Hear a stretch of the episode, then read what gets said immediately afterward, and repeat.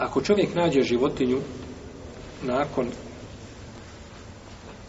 nekoliko dana znači pogodio se to je bilo je li u davna vremena našto je danas je to ako se pogodi životinja puškom je li ne znam ima neko lovac od vas neko lovio od vas može li, može li jedino ako bi to bilo zaista da pogodi znači jedan dio negdje pa da je ranije i tako dalje ali uglavnom te životinje dok, dok pogodi puška je li biva tu na mjestu gdje je ostaje Ali ako bi slučajno zdesilo da ode životinja, a da ode i da se nađe tek nakon vremena, onda je to dozvoljeno jesti, osim ako se nađe gdje.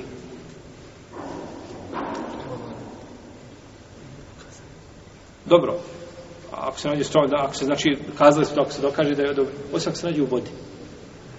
Jer dok je dospjela do vode, do vode je došla šta? Živa mrtva živa, ne može mrtva ići. Jel, došla je, ako je ušla u vodu, ušla je kako? Živa. I onda se šta? Ušla se onda. Ako je nađeš u vodi, ne možeš jesti. Jer kao pticu, kada je gađaš i padne u vodu. I ti dođeš, nađeš je mrtva u vodi. Ne znaš da li je ubila je puška ili šta? Voda. Možeš jesti. Ne možeš jesti. Ne znaš šta je. Tako isto je ovdje. Dok ovdje smo sigurni, dok je došla kopnom, do vode, onda je sigurno došla ta živa do vode i onda se ugušila. Tako, smrt je nastupila gušenje.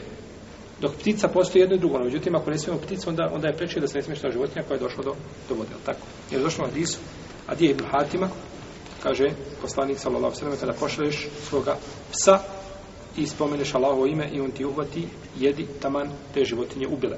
Da li ubile, da li udavile, ili ovaj životinje otvorile, odnosno napravile, znači, rez na njoj, da, da, da, da ovaj ranu, govorili smo o tome, jeli, mišljenje, jeli, ovaj, Šafi ibn Hazma i Džumhur Alem, kaže, jedi.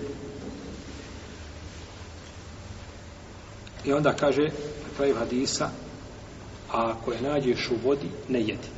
Ako je nađeš u vodi, ne jedi, jer znači tada se je ukušio.